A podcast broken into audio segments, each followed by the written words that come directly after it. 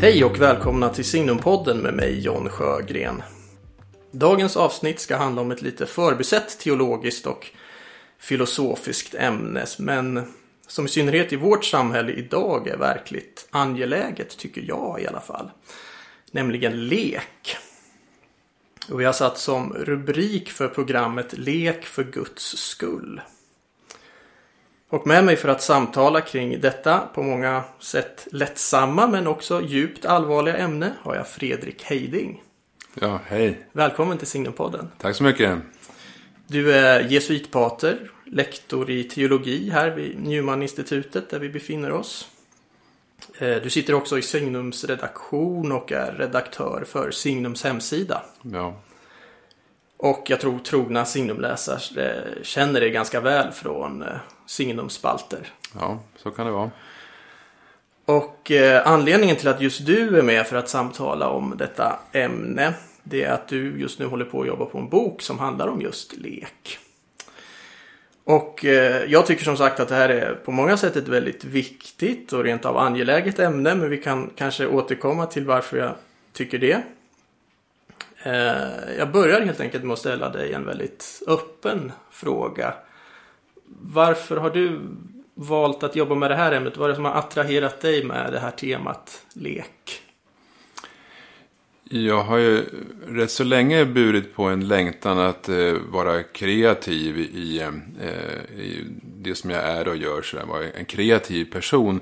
Använda fantasin, hitta olika lösningar på saker som ser ut att vara komplicerade. Eh, och eh, sen har på något sätt också den här eh, förhoppningen då liksom att eh, livet får inte vara för allvarligt utan man får hoppas på en annan eh, attityd till livet än att det ska vara liksom eh, seriöst och på blodigt allvar eh, hela tiden. Eh, sen har jag ett, lite längre tillbaka i, i tiden så eh, har jag fascinerats av eh, dårskap, alltså det, hänger ihop med lek på ett visst sätt. Och eh, även humor. Jag, om, jag, om det är så att jag har några förmågor här i livet så humor kanske är en av dem. Alltså det brukar bli ganska lustigt sådär. Eh, och, ehm, ehm, Jag kan, sen- jag kan intyga det. ja, just det. Man får försöka. Eh, Men sen kan jag berätta om två förebilder som ligger bakom det här. Och en förebild, han var eh, novis i Jesus sällskap. Alltså noviciatet är en inskolningsperiod på två år.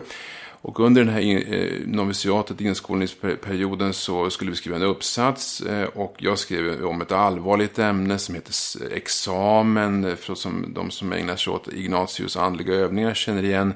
Examen, samvetsrannsakan, skilja mellan gott och ont och sådär. Men en annan novis, han skrev om eh, dårskap för Kristi skull. Och han kom in, och när han skulle presentera sin uppsats så kom han in med en clownnäsa bland de andra noviserna. Och ni måste ju föreställa er liksom en typ av munkar, vi är inte riktigt munkar, men ändå blivande eh, jesuitpräster så kommer in där med en person med en clownnäsa och ska presentera sin uppsats om dårskap för Kristi skull. Och jag på något sätt då eh, menar jag på att ja, men det här är liksom lite för eh, löjligt eller kanske inte tillräckligt eh, seriöst då. Men eh, med tiden så har jag ändrat uppfattning. Och, så det är en förebild.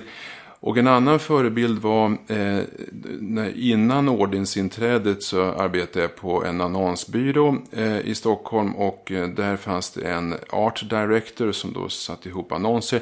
Eh, och eh, tidigt på morgonen när också jag befann mig på arbetsplatsen så spelade han saxofon Eh, i trapphuset i, på annonsbyrån. Ehm, och det var ju en, en fascinerande ehm, hållning där att man kunde spela, spela musik sådär innan arbetsdagen började och i hans arbete som art director så var, fanns det mycket kreativitet. Eh, så, och sen finns det kanske lite andra spår som har lett till att jag till slut har fastnat för att skriva om det här. Men just nu så ser jag syftet med Eh, med boken Varför jag vill eh, framställa det här ämnet i, text. Eh, det är väl att jag vill försöka sprida glädje ur en teologisk synvinkel och också ehm, så att säga, visa kanske på att särskilt i svåra situationer för en enskild människa men även för ett helt samhälle så kan man behöva eh, lite frihet och distans och betrakta eh, problemen på ett lekfullt sätt. Så ungefär så ser bakgrunden mm, ut. Mm, mm, bra. Man ska ju alltid börja så här med att försöka reda ut begreppen lite ja, grann. Ja. Eh, när vi talar om lek.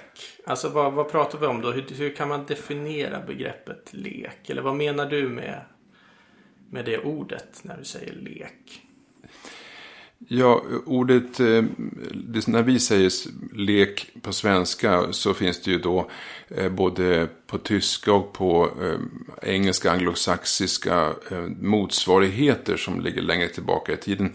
Och där tycks det vara så att lek hänger ihop med att hoppa och skutta. Och, så det finns något fysiskt, kroppsligt Eh, i lek. Och det tror jag fortfarande är sant att eh, den dimensionen finns med. Så det är någon, någon typ av kroppsrörelse eh, involverat i det här. Och att man också så att säga, utför de här kroppsrörelserna på ett lätt och ledigt och fritt sätt. Och, eh, det finns en association här eller i, i, definitionen då att det handlar om att man svänger sådär, ungefär som bluesmusik. Alltså det är lite mm. svängigt. Ja. Mm. Men det, det, är mest hur, hur, ordet har använts på eh, svenska och en del andra eh, sådana språk. Eh, men, så det, men sen måste man komma ihåg att eh, det är då, eh, lek är någonting som är eh, en aktivitet som man gör för dess egen skull. Mm. Alltså det är värdefullt i, i sig. Det finns inte något eh, annat eh, viktigare än just det. Alltså det, det är värdefullt eh, i sig och det, det är en, en, en, betydelsefull del av eh, begreppet när man ska definiera. Det är någonting som man gör det på, på banal svenska, så man gör det därför att det är roligt. Så. Mm. Ja. Men man kan komplicera det där lite mer med att det är värdefullt i sig. Och, och jag tror att vi är vana vid i vår tid att eh, utföra saker och ting av någon anledning för någon eh, för, för, för så att det ska leda till någonting så att man arbetar för att kunna försörja sig eller uträtta någonting i syfte att. Va? Men här leken är då egentligen för sin egen skull och det är, det är lite komplicerat att föreställa sig någonting som man gör för sin egen mm. skull. Men Eh, jag tycker att ett eh, tydligt eh, exempel som illustrerar vad det här handlar om är ju dans. Alltså dans är en typ av lek och jag har sett en del flera artiklar i, i morgontidningarna som beskriver att man ska dansa för den mentala hälsans skull. Alltså, dans är bra för psykisk hälsa. Mm. Men det tycker jag det är inte tillräckligt radikalt tänkt. Därför att då har dansen som är en lek eh, något annat syfte än att eh, då njuta av det, det vackra eller, eller, så som, som dansen innebär. Så då, då är det, som så här, den psykiska hälsan blir Eh, det, det överordnade. Men, men om man inte tänker så så kan man för, försöka eh, hålla fast vid att man dansar därför att dansen är värdefull att mm. utföra. Eh, så, sen kan man kanske komplettera eh, din fråga där om själva begreppet eh, lek. Eh, så kan man göra en, en distinktion, alltså göra en skillnad mellan olika typer av aktiviteter och saker som man gör som är lek och å andra sidan lekfullhet. Man kan ha en lekfull attityd mm, eh, i olika typer av eh, arbetsuppgifter eller eh, samtalssituationer eller vad det kan vara. Så att det finns en sak som är själva handlingen då att leka och å andra sidan en attityd, en hållning som innebär att man är lekfull. Mm. Jag, hänger på lite där du sa, leker eh, gör man för att det är viktigt i sig självt. Mm -hmm. och, och, det är just det som gör att jag tycker, då, som jag sa inledningsvis, att, att det här är ett väldigt angeläget ämne. För att idag så lever vi på många sätt i ett samhälle och en kultur där det som nästan är motsats till lek sätts i centrum. Alltså arbete, effektivitet, aktivitet och så vidare. Det är mycket det som präglar den eh, samtida mentaliteten tycker jag. Eh, Men jag tänker att den hållningen och den mentaliteten är, destruktiv på många sätt. Eller kan vara väldigt destruktiv. Och det, är ju, det, är ju också, det har ju kommit väldigt mycket kritik nu på senare år som kritiserar just den här liksom arbets och effektivitetskulturen. Eh, vi har ju tänkt, till exempel Roland Paulsen, den här Ja. sociologen som har nu i ganska många år och på olika sätt kritiserat och arbetssamhället och det här tomma arbetet som han pratar om då. Och att det närmast har någon slags själsdödande Ja. effekter då. Och vi har ju också eh, nu senaste året är det väl som Jonna Bornemarks bok. Den här Ja. om mätbarhetssamhället och New Public Management. Och, eh, och så. Det har ju fått jättestort genomslag hennes bok där och den kritiken. Så väldigt många verkar ju känna igen sig i, i det här. I den liksom effektivitetskulturen som finns. Mätbarheten, ja. Precis. Och det är ju precis just det här också som du sa, att arbetet är ju någonting vi oftast utför för ett mål så säga, bortanför sig självt. Att eh, som du sa, vi arbetar för att tjäna pengar. Det kanske vi gör för att försörja vår familj och så vidare. Men det syftar alltid till någon slags högre livsmål, Ja. oftast arbetet. Men eh, det verkligt viktiga, det är ju just det som du säger, alltså det som har ett värde bara i sig självt. Eh, och som, som vi gör bara för att det är gott i sig självt också. Och som på något sätt ligger bortom begreppen nytta och syfte. Alltså på något sätt det man skulle kunna kalla lek. Ja. Leken är det vi lever för. Ja, just det. Jag, jag håller med dig om att eh, vi lever i ett väldigt eh, arbetsdominerat eh, eh, samhälle. Så det är det som räknas, vad man uträttar. Men å andra sidan så tror jag att det finns många människor som vill eh, ha pauser och kunna leka. Det är bara det att vår förmåga, skulle man kanske kunna säga, att fylla pauserna med, med, med innehåll. Den, det är möjligt att det är eftersatt. Det finns en bok av Patrik Hadenius nu som har kommit ut nyss, nyligen här. Som heter ju Paus, konsten att göra någonting annat. Mm så att jag ville bara k- kom- komplettera din pres- pr- framställning där. Att jag, jag visst, det, det handlar mycket om eh, att vara sysselsatt och ha mycket att göra. Eller hur? jag har mycket att göra. Men... eh, Vilket är närmast, man säger det som något negativt. Men det är när- närmast något egentligen så positivt. Ja, man, Att ja, visst, det är jättebra att ha mycket att göra. det är status i att ha mycket att göra. Och så Ja. vill man samtidigt ha lite paus, men man har, har inte riktigt kultiverat förmågan att, att, eh, att leka. Det är det som jag tror är ett budskap som man kan framföra. Jag eh, läste en bok, en betydligt äldre bok här för en tid sedan. Och som jag vet att du också har lite som bakgrund i din eh, lekforskning här. Eh, nämligen tyska filosofen Josef Piepers eh, Mus und Kult på tyska. Eh, Ja. alltså fritid och, och kultur eller fritid och kult. Leisure, the basis of culture heter den i engelsk översättning. Just det. Mm. Eh, och där då, precis som titeln antyder, argumenterar Piper för i den boken då att det är inte arbetet utan det är fritid och det han kallar fritid som är grunden för, för all kultur. Men, men det som Piper definierar som fritid är kanske inte det som vi tänker på när vi säger det ordet idag riktigt. Eh, det som han definierar som fritid är något liksom mycket mer och mycket större än det här att bara ta en paus eller vara ledig från arbetet en stund. För den, den pausen är ju ofta till för arbetets skull också. alltså det. man, man tar eh, en paus för att sen kunna komma tillbaka bättre i arbete. Vi säger ju ofta när man ska ha semester sådär att, eh, att man ska fylla på batterierna. Ja, just det. Eh, så det är inte alls det, är inte det han pratar om eh, när han säger fritid. Utan det är något helt annat. Eh, ja, då fritid det är det som jag var inne på tidigare. Det som är viktigt det är det man gör bara för sin egen skull. Som är viktigt eh, för sig självt. Så. Eh, och för honom är det mer en livshållning. Han pratar om att fritid är ett öppet, vilande, kontemplativt, intuitivt förhållningssätt till verkligheten. Och att betrakta verkligheten som en sammanhållen, meningsfull helhet och sådär. Eh, ja, och att eh, liksom förstå att den här verkligheten, den, den är oss given och så. Och att Ja. det är ett mysterium och, och, och att liksom den här innebörden i det här, i den mys- mystika verkligheten, den kommer inte till oss för att vi arbetar oss fram till det, utan den kommer till oss som gåva när vi vilar, vi är i kontemplation och sådär. Så det fritid som han eh, då använder begreppet, det är en mental och andlig hållning. Just det. Eh, en sån här inre lugn, att bara låta saker ske av sig självt. Ja. Eh, och han pratar också om att det, fritid är, det är en tystnadens hållning. Eh, för att om man, den som pratar kan, kan själv inte lyssna. För att det handlar om att liksom lyssna och ta in verkligheten. Eh, så, och det är liksom stillhet och klarhet och sådär pratar han om. Eh, ett lugn som just kommer ur det här att man bejakar universum som ett mysterium. Eh, så hos Piper blir liksom fritiden en, en hel livshållning då kan man säga. Och jag, jag tänker, kan man sätta eh, det som Piper pratar om som fritid då. Ja. Är det synonymt med lek skulle du säga? Eller?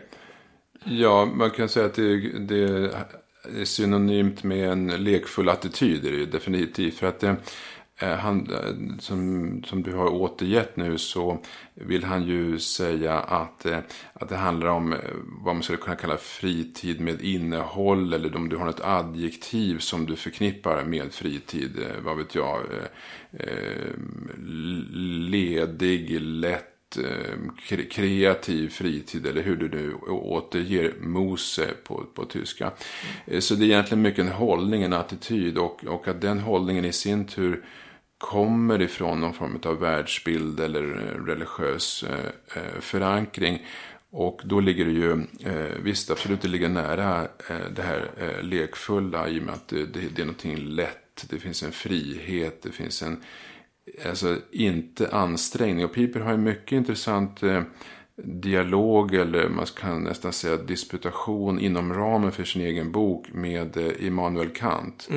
Och Immanuel Kant är ju mycket intressant i de här sammanhangen därför att han, han har ju definierat lek, eller det som på tyska heter spil, som just eh, en eh, aktivitet som är angenäm i, sig själv. Och så han, han, går ju, han eh, beskriver skönhet och konst och så vidare. Så har Immanuel Kant ett sånt resonemang om, om leken.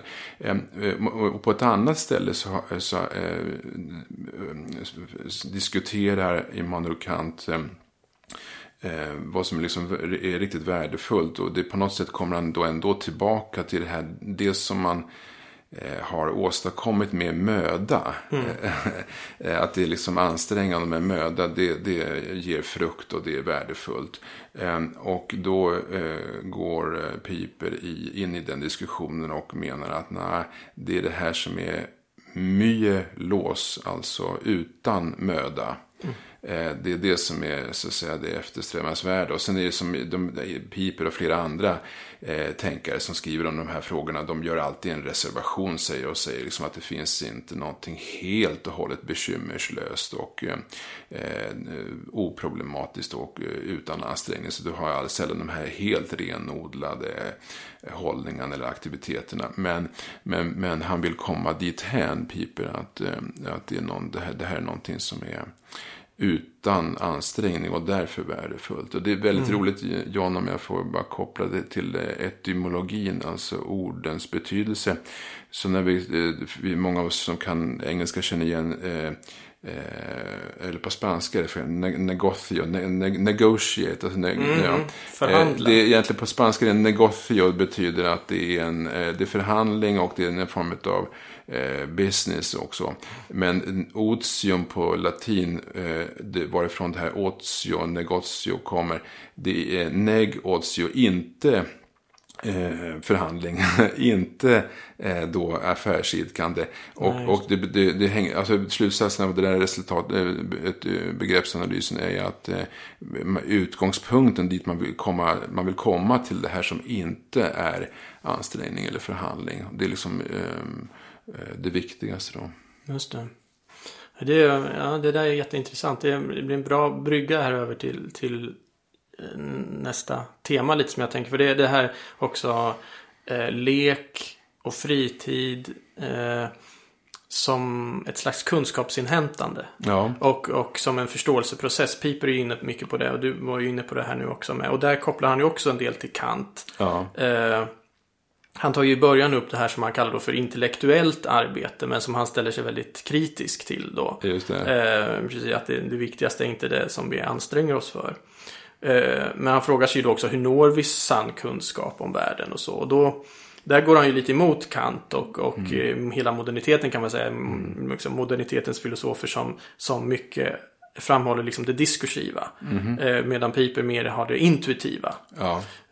och han, ja, han liksom går ju lite emot Kant där då som, som menar att människan når kunskap genom att jämföra och relatera, granska, särskilja och sådär. Ja. Alltså någonting väldigt aktivt. Någonting som man gör. Så att, att nå kunskap och även abstrakt kunskap, även liksom filosoferande, det är i grunden ett arbete då. Ja. Eh, skulle ju Kant säga.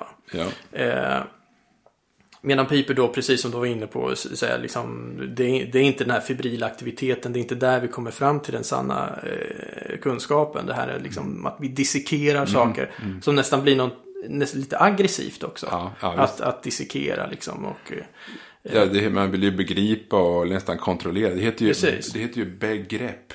Just alltså man får ett just grepp, man får, man får ett grepp, om, om det hela. ja, men det är väldigt och, talande. Ja, ja. så det, det så det är. Mm. Verkligen. Ja. Uh, men han säger då precis det är inte det. Är inte det. Och han har ju också då, om vi är inne på etymologi här, pratar ju om vad är det grekiska ordet för fritid? Det är skole. På latin skola, alltså vårt ord för skola. Ja. Det är i fritiden som vi skolas i liksom livets väsentligheter. Det är där vi får mm. den djupaste kunskapen om, eh, om tillvaron. Ja.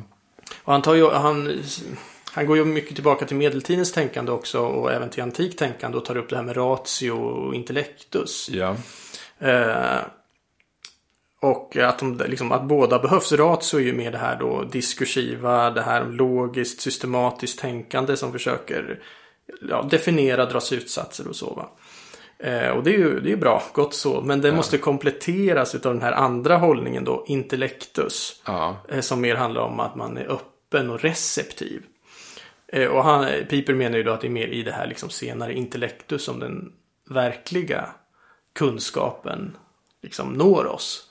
Ja, just det. Den här, den här intellektus, eller den, den, sidan, den är ju mer mottagande, passiv.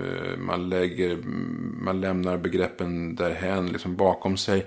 Men jag tror man kan också vända på det hela. Eh, för att om du går till kyrkofäderna och de tidiga teologerna som sen också får betydelse under medeltiden. Så är det nog snarare att man börjar snarare i intellektus. Mm. alltså börjar med det här eh, att Gud är obegriplig, Gud är ett mysterium, tillvaron är någonting som man behöver förundras över som Platon och Aristoteles gör. Man, mm. man förundras över hur är det möjligt och, och, eh, och där, så det är snarare det här förunderliga, outsägliga, obegripliga som man inte kan fånga med eh, beskrivningar och begrepp. Det, det är utgångspunkten. Men så säger man ändå, ja men vi, vi har ändå en möjlighet att eh, eh, inordna och kategorisera det vi ser med hjälp av förnuftet mm. på latin ratio. Eh, men, men du, du, i din presentation nyss, du, så som Piper också gör, mm. började med det här förnuftiga och jag, jag vill hävda att eh, eh kyrkofäderna, eh, du vet på 200-300-talet och framåt där, de, de börjar med det obegripliga. Och, Just det, man kan, ja, gå, man kan gå andra vägen. Ja, ja, men så, så tror jag också det kan vara.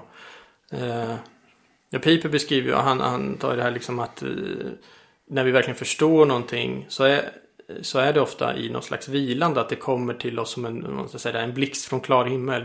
Helt plötsligt förstår jag någonting. Ja. Eller, eh, eller man kan tänka på en konstnär som får en plötslig inspiration eller sådär.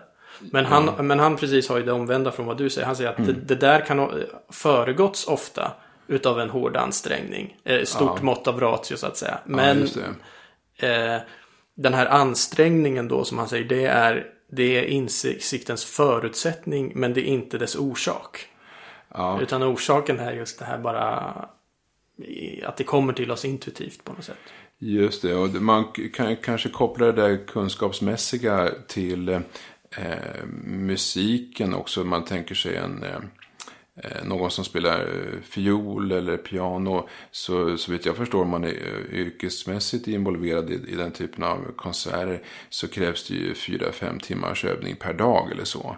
Och då är det rent, rent möda och hårt arbete. Men så kan man föreställa sig att det finns någon motsvarighet till intellektus hos violinisten eller pianisten att eh, kunna eh, slappna av och låta melodin eh, spelas av sig självt nästan. Eller hur man nu ser det. Så jag tror där inom musiken kan man säkert hitta uttryck för det här vi samtalar om just nu. Ja, men det är också en bra brygga för jag tänker på det här med lek och skapande också. Nu Ja. ja. på just det här med pianospelande eller så. Eh, för lek och konst hör ju ihop tänker jag. Ja. Ganska intimt alltså. Att all, all konst och all skapande är ju i grunden någon slags lek. Ja, Eh, eh, och den ryske filmregissören Andrei Tarkovsky har sagt någonstans att det konstnärliga skapandet är det yttersta beviset på att vi är skapade i Guds avbild. Det vill säga att Ja. vi också, precis som Gud, har förmåga och kraft att skapa. ja vad intressant. Alltså musiken som ett eh, Ja, eller ska- paradexempel. Ja, Ja, eller konst- skapande överhuvudtaget. Ja, så att. Vi är skapande. Ja, vi är liksom av- avbilder av en lekande, skapande Gud. ja fint. Vad tänker du om den liksom förhållandet mellan lek och skapande? Och kanske också leken som en uttryck för gudslikhet. Just det.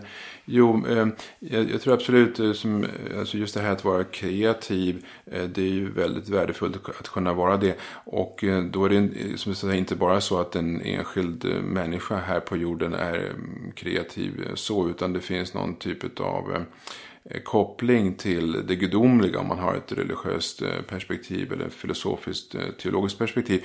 Ehm, och jag tror bara att ehm, jag har, jag har själv lite lättare för att tänka i, i, i platonska termer på, med, med, med delaktighet. Alltså att vi människor när vi är kreativa och skapande så, är vi, så får vi ta del av Guds ehm, kreativitet och skaparförmåga. Det finns ett uttryck alltså på engelska då, participation, participatio, vi, vi får vara med om eller delar samma typ av eh, handling då, som, som, vi finner hos Gud.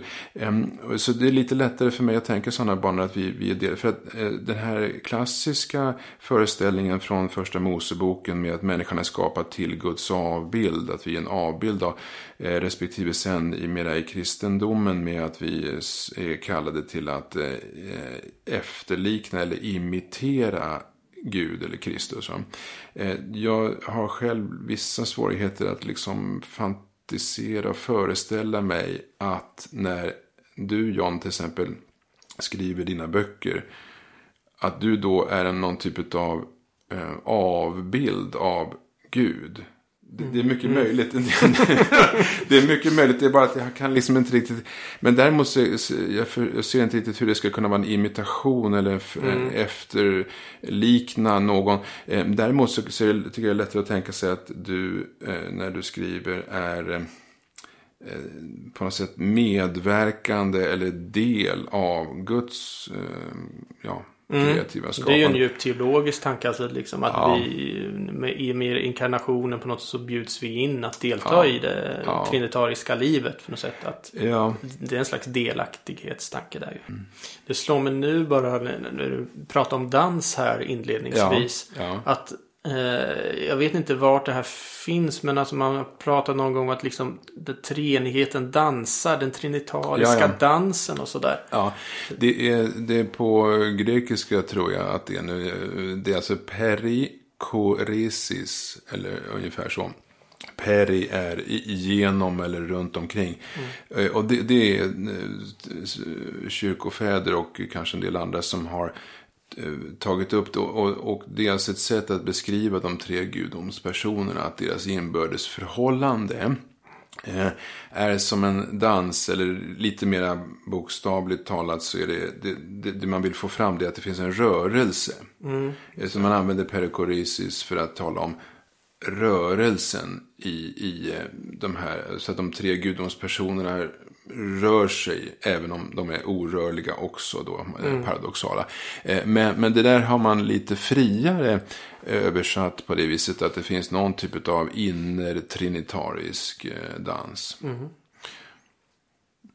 Just det, är ganska intressant om man kopplar till det du sa om hur man ska begreppet lek, om man ska tolka det. Som Ja. just som rörelse, Absolut. det här hoppa, skutta. Alltså Ja, att, det, att grunden för lek är just rörelse. Och man beskriver då treenigheten, att det är någon slags rörelse. Så det är, där har man ju verkligen en grund för den lekande, en teologi kring den lekande guden. Ja, verkligen. absolut. Och, och tillåt mig eh, tänka lite fritt här. Så om man går tillbaka till Piper som du talar om att det fanns tystnad och avslappning och stillhet. Och det är det som eh, gör att eh, intellektus, det här då, att det kommer fram.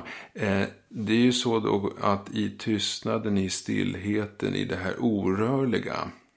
Det blir aldrig ett, ett helt vakuum, ett totalt tomrum utan någonting. Utan också i stillheten så är det någonting som rör sig. Eh, jag tänker att lek också är en bra ingång eh, till att tänka på frihetsbegreppet. Ja, Det här, eh, man, man pratar ju ofta om fri lek. Jag vet när man gick på dagis och så här, man var liten så kunde det vara på ske- en schemat en halvtimme fri lek. ja, Men jag tänker att, just det. Ja, och man pratar ju om det ibland, nu är det fri lek. Så här. Men jag tänker att lek är ju aldrig helt fri. Nej, Utan lek har ju nästan alltid, eh, alltså själva förutsättningen för lek är att det finns regler. Ja. Och, och, och ramar och, som, som leken rör sig inom. Och utan de där reglerna så skulle leken inte kunna uppstå riktigt. nej, Eh, och även om man säger till barn att nu får ni leka helt fritt. Så kommer de på en gång uppfinna regler för leken. ja. Eh, Så det finns liksom ingen lek utan regler. Och det där tänker jag är väldigt applicerbart på vår tids eh, syn på frihet. Ja. Som ju ofta är en ganska banaliserad form av frihet. Alltså gör vad du vill, gör det som känns rätt och sådär. Eh, och det finns en, en viss misstänksamhet mot det här med regler och, och liksom strukturer Ja. och lagar. Och så att det- auktoritet. Auktoritet, Ja, precis. Att det liksom finns något förtryckande i det. Då, va? Eh, Men jag tänker att verkligt fri, det är den som har internaliserat reglerna och ramarna, spelets regler så att säga.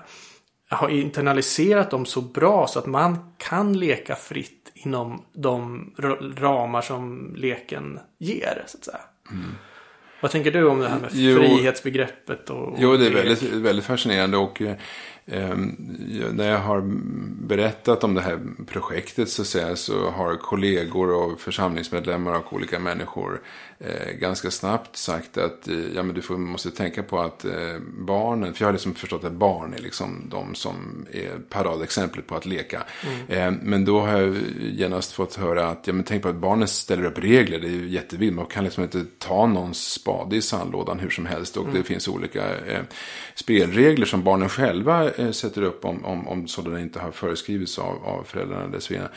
Eh, så tänker jag att ehm, man kan ta två exempel här och eh, ett är ju då eh, som författare så kan man ju se på en sån författare som Teresa av Avila till exempel, karmelitsystern på 1500-talet. Därför att hon, är intressant så tillvida att ehm, när det gäller klassiker som då är ett begrepp eller hur inom författarskap och inom andra konstarter så, så säger man att en klassiker är när någon etablerar en ny genre som inte fanns tidigare. Eller att man lyfter en, en befintlig genre till en ny nivå. Och då skulle man kunna säga att um, Teresa av Avila hon lyfter um, genren mystik till en ny nivå eller skapar en egen version, en egen genre av det som är mystik, andlighet, spiritualitet. Men när hon gör det, hon måste ju hålla sig till eh, spansk grammatik, hon kan inte skriva hur som helst, hon ska helst dela in böckerna i kapitel, hon behöver följa någon typ av regler. Men så gör hon det med den här eh, friheten att, ja, mm, så här vill jag eh, framställa eh, mystik. va. Så där, där har vi ett, ett fint exempel. Så kan jag ta ett annat exempel är ju från, eh, från fotbollens värld. Eh, där är det ju hårt reglerat då exakt hur länge man ska spela och hur många som finns får vara på planen. Offside-regler, man får inte ta med händerna och du vet, du har ju ett antal regler. Ehm, Och där är ju hård eh, träning då som ligger bakom själva fotbollsspelandets konst. Eh, Men så, så det är liksom ett spel, men samtidigt så, så finns det uttryck så där när publiken eh, sjunger eller säger att eh, Bajen, alltså Hammarby, Bajen leker. Eh, Det här gäller för andra Stockholmslag också. Så Gnaget, Gnaget leker, eller Djurgården leker, eller Göteborg, alltså IFK Göteborg. Det är stort av dig att erkänna det. Ja, det är stort att erkänna. Eh, så säger man då eh, Bayern leker, alltså Hammarby leker. Vad menar man då? Då menar man att eh, Eh, spelarna, de, de håller sig inom ramen för reglerna, eh, men tar risker. Mm. Så man slår inte bara sådana här försiktiga passningar i sidled eller bakåtpassningar, vilket är säkert. Utan eh, eh, hela laget genomför ganska riskabla och samtidigt lätta, lediga rörelser. Och det klacksparkar är då det känd, mest kända exemplet. Eh, men man kan alltså säga om någon som utövar den här idrotten då att inom ramen för någonting som är ett liksom, eh, spel så kan man då så att säga eh, fri, fri, man, man är fri därför att man gör någonting oväntat framförallt och riskabelt. Men det är också ofta för att man kan reglerna så pass bra. Att, att man är så bekväm i det. Man, Ja. man, har, man har också övat så mycket på detta Ja. och lärt sig det liksom så utan till och kan det så bra så att man inom de här ramarna som finns uppstår en, den verkligt djupa friheten. Just Och, det. och, och det tänker jag är så att man, många tänker nästan kanske tvärtom idag. Att jag är fri om jag inte har några regler eller om inte finns nå, någon liksom struktur och ordning. Men det är liksom i struktur och, och ordning som och när man lär sig den strukturen, den ordningen så himla bra. Ja. Det är då man kan uppnå riktig frihet. Och också liksom, tänja på gränserna. För det är, det är du ju inne på det också. De, Ja. de riktigt stora konstnärerna och så. Det är ju de som nästan är på gränsen för vad man kan göra. Eller till och med tänjer gränserna så det blir någonting nytt. Va? Ja, Men för att kunna göra det måste man ju veta vilka reglerna är precis. Va? Så att man vet hur man kan balansera precis på, på gränsen för det så att säga, tillåtna. Ja, nej men absolut, det här, det här gäller ju för humor också. Att eh, humor förutsätter ju att det, det finns normer och eh, det, det för givet tagna och så vidare. Och sen så har du någon typ av skämt eller någon berättelse av humoristisk karaktär som precis just det på den här nerven. Att man går lite, lite, lite utanför gränsen, utanför reglerna. Eh, så, så det är ju, humor är ju precis Precis, humor är ett jättebra Mm, exempel. mm, för att det, det handlar ju om att, ett, att faktiskt gå lite över gränsen. Ja, men ju- man är medveten men, om. Man är medveten om det. Men går man för långt över gränsen är det inte heller roligt va? Nej, nej. Utan det gäller att ha en känsla för precis vart gränsen går. Så man kan överträda den precis lite grann. Ja. Och det, det är då det blir roligt. Ja, ja. jo, precis. Jo, men det där, det där det finns det också en del reflektioner kring. Alltså hur, hur, hur, hur mycket får man tänja på gränserna? Det, det, det har ju flera som har eh, reflekterat över det. Och, och man vill liksom inte hamna i absurditeter heller. Eh, nej. Eh, en intressant aspekt också som jag tänker att vi eh, borde tala om är det här med liturgi och bön. Ja. Som ett slags lek. Att tänka på det eh, med lek som rubrik. Och Piper då som vi pratade om tidigare. Han tar ju upp det en del i sin bok också. Han kopplar ju fritid, det han kallar då för fritid, till just kult och religion. Ja, Eh, för det som jag sa tidigare då. Han ser då fritid som ett, ett slags bejakande av tillvarons godhet. Eh, och man kan säga att fritid är det, är göra det som Gud gör i första Moseboken. eh, Efter varje skapelseakt. Att se att det skapade är gott. Det, det är liksom en slags definition av fritid för honom. ja. Eh, och då blir ju, som han säger då, då blir ju fritidens innersta väsen fest. ja. Eh, att glädja sig och förundras över det som är. Och det är då här som, som kulten och religionen kommer in. Han menar då att, att fritiden, det han kallar för fritid, har sina djupaste rötter i kult och religion. Eh, och det här menar han då gäller i såväl liksom den bibliska världen, bibliska litteraturen, men också i det antika Grekland och Rom. Där var alltid att vila från arbete. Det innebar alltid att ägna sig åt tillbedjan, åt kult och dyrkan.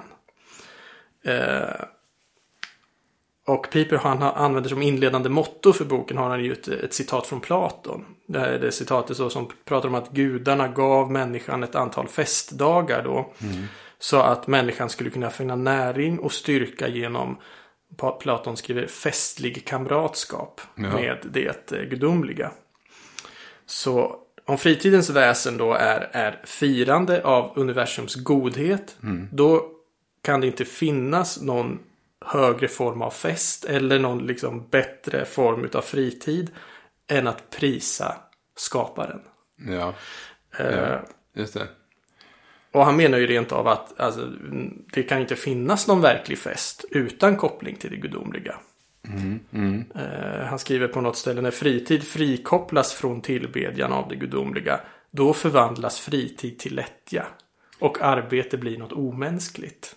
Ja, Så han går ju ganska långt ja, där. ja det han. Eh, men vad tänker du om, om eh, lekens förhållande till, till Ja men vi kanske kan ta liturgi och bön och så. Eller hela det. Ja, jo, ehm, jag tror att en, en sak som kan vara bra att eh, observera är att eh, den uppdelning mellan eh, arbete och olika typer av sysselsättningar å ena sidan och eh, eh, paus, fritid, ledighet och sådär, semester och så som vi har i vår tid.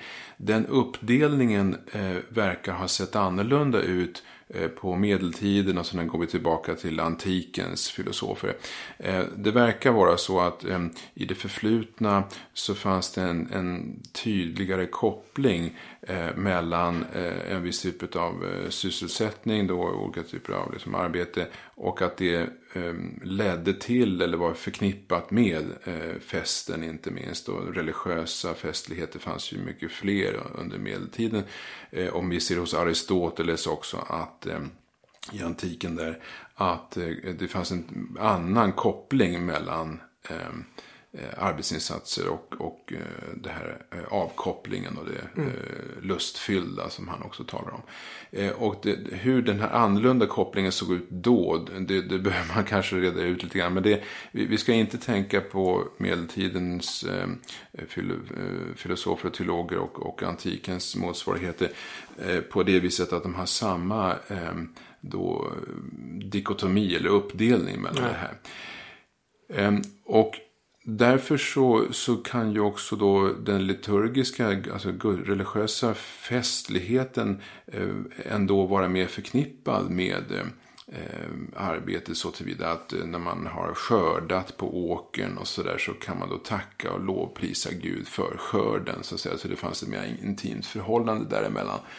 Eh, och sen tror jag att, att eh, det, det är någonting riktigt i det här att eh, Ehm, bönen som då också finns eh, gemensam i, eh, i gudstjänsten. Att eh, det är nog en hög form, kanske den högsta formen som, som Josef Piper är inne på. Av just ehm, det här, det här lekfulla. Varför då? Jo, gudstjänsten, ehm, eukaristin, alltså tacksägelsen. Den är ju den är ju för, för sin egen skull. Så de flesta firar kanske mässan på söndagar. Så där går man till kyrkan på söndag. Och det gör vi ju ja, för att vara med Gud. Så att säga. Det finns inte så mycket utöver det. Det finns sidoeffekter. Det kan vara trevligt att samtala med någon efteråt. Efter gudstjänsten på kyrktorget, kyrkkaffet. Det kan finnas sidoeffekter som att man kanske blir en lite bättre människa. I alla fall lite. Ehm, Och eh, du vet, man får lite moraliska kategorier och man blir lite lugnare och så vidare. Så det finns sådana här sidoeffekter. Ehm, Men eh, den, den är, liturgin är en, egentligen ganska ineffektiv eller man kanske inte kan säga onyttig men åtminstone inte nyttig i någon mätbar bemärkelse. Så Jonna Bornemark, om hon skulle komma till en gudstjänst, mm. för att återknyta till det du tog upp tidigare, så skulle det vara svårt att mäta värdet i, i gudstjänsten. Ja, man kan väl säga liksom mässan, eukaristin, och det, det är det som är så, så gott i sig självt som det bara kan bli. Ja, eh, det, det är ju det. Och eh, så det, det, har, det, det, går, det är lika svårt som med det andra exemplet jag tog tidigare med, med dans för sin egen skull. Alltså man vill liksom, man är, man är nästan desperat av att det ska finnas någon annan. Det är bra för den mentala hälsan liksom. Eller gu- gu- gudstjänsten är bra för någonting. Men det är just inte, man behöver komma bort från det här att det, eh, liturgin är bra för någonting. Utan nej, mm. det, det handlar om att eh, tacka och lovprisa Gud och sjunga. Och musiken och sången uttrycker ju precis just mm. det. Vi sjunger inte av någon anledning utan vi sjunger för att det, ja. Mm. Det är absolut eh, mm. onödigt och därför är det det viktigaste av allt. Ja, så, så kan man. Man får bolla med de här begreppen om mm. det är meningsfullt utan att det finns något externt syfte. Eller man mm. kan hitta olika sådana här paradoxala formuleringar. Men sen kan man också säga att eh, liturgin är lekfull särskilt för utomstående. Om jag som eh, romersk-katolsk präst och som, som jesuitpräst tillhörande liksom katolsk eh, latinsk rit eh, tar del av eh, orientalernas, kaldéernas och så eh, gudstjänster eller eh, då ortodoxa kyrkors sätt att fira gudstjänsten. Då märker jag ju saker som jag inte är van vid. De håller upp dukar och det, eh, folk går in från en, genom en dörr och ut genom en annan. Och man mm. lyfter på ikoner och det, det finns olika rökelsekar som, som man överlämnar åt olika håll. Och man lägger evangelieboken på axeln i vissa riter.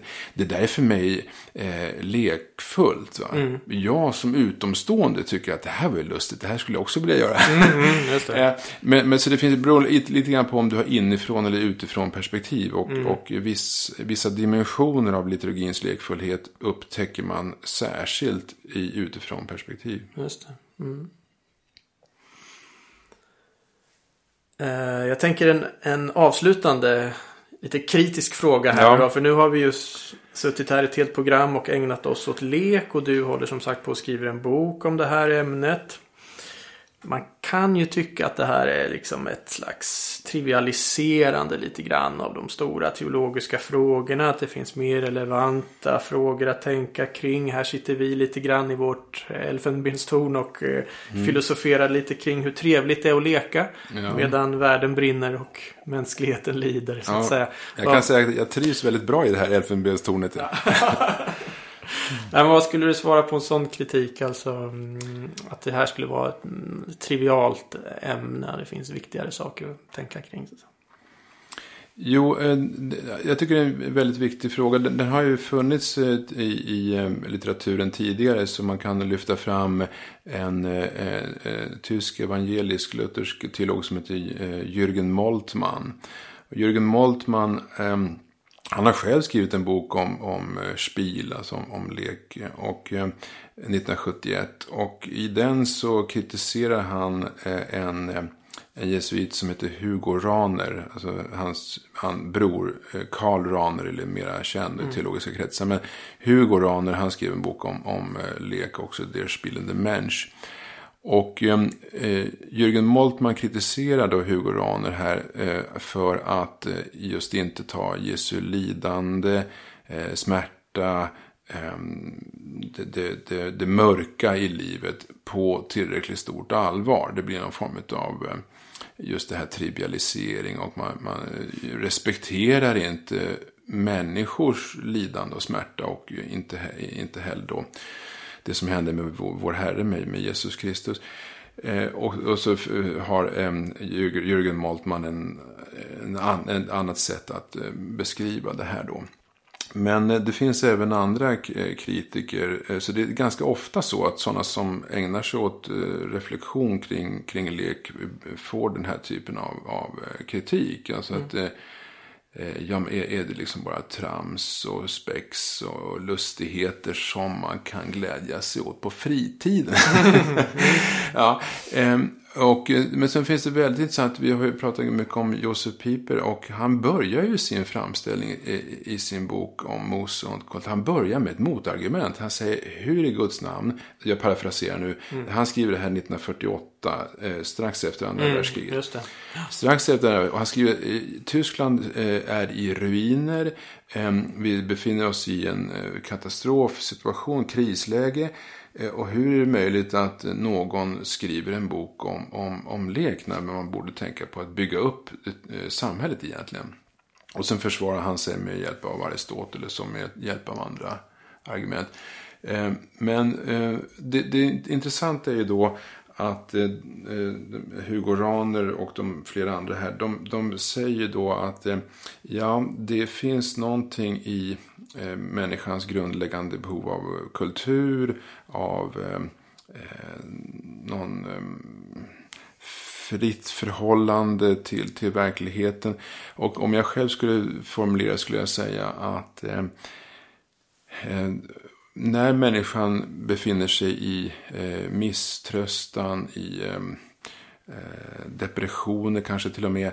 Det är just då som man behöver ha en viss eh, humor, distans och frihet.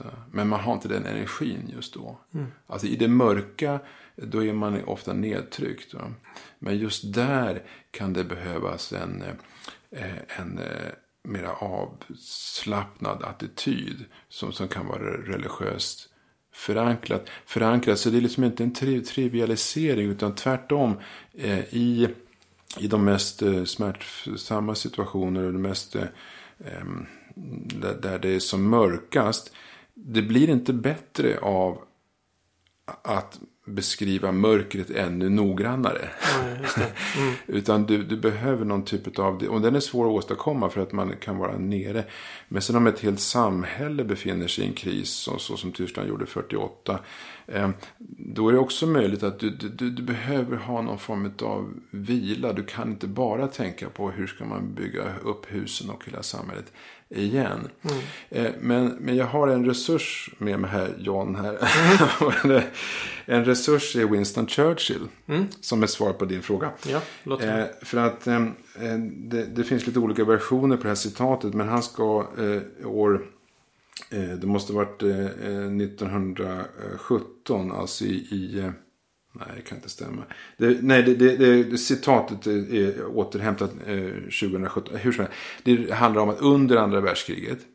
Under andra världskriget så, så fanns det eh, några som eh, utmanade honom. Han var ju då utrikesminister. Utmanade honom och sa att ja, men för att kunna finansiera eh, kriget. Så behöver vi skära i kulturbudgeten. Mm. Så nu är kultur liksom mosont kult och ja, liksom fri, lek och fritid. Vi måste skära i kulturbudgeten för att finansiera vapnen och ammunition. Eh, och då svarar eh, Winston Churchill Then what should we fight for? Det är bra. Fint, vi låter det få bli eh, slutorden här för det här fina samtalet. Så tack Fredrik Heiding för att du gästade Signumpodden. Ja, tack själv. Och eh, tack alla ni som lyssnat. Och eh, vi vill också passa på att önska alla lyssnare en skön och framförallt lekfull sommar. Eh, I juli så tar det ordinarie upplägget för podden ett uppehåll. Det kommer dock ett avsnitt i juli men då med ett annat upplägg. Istället för ett samtal så kommer vi bjuda på ett inspelat föredrag.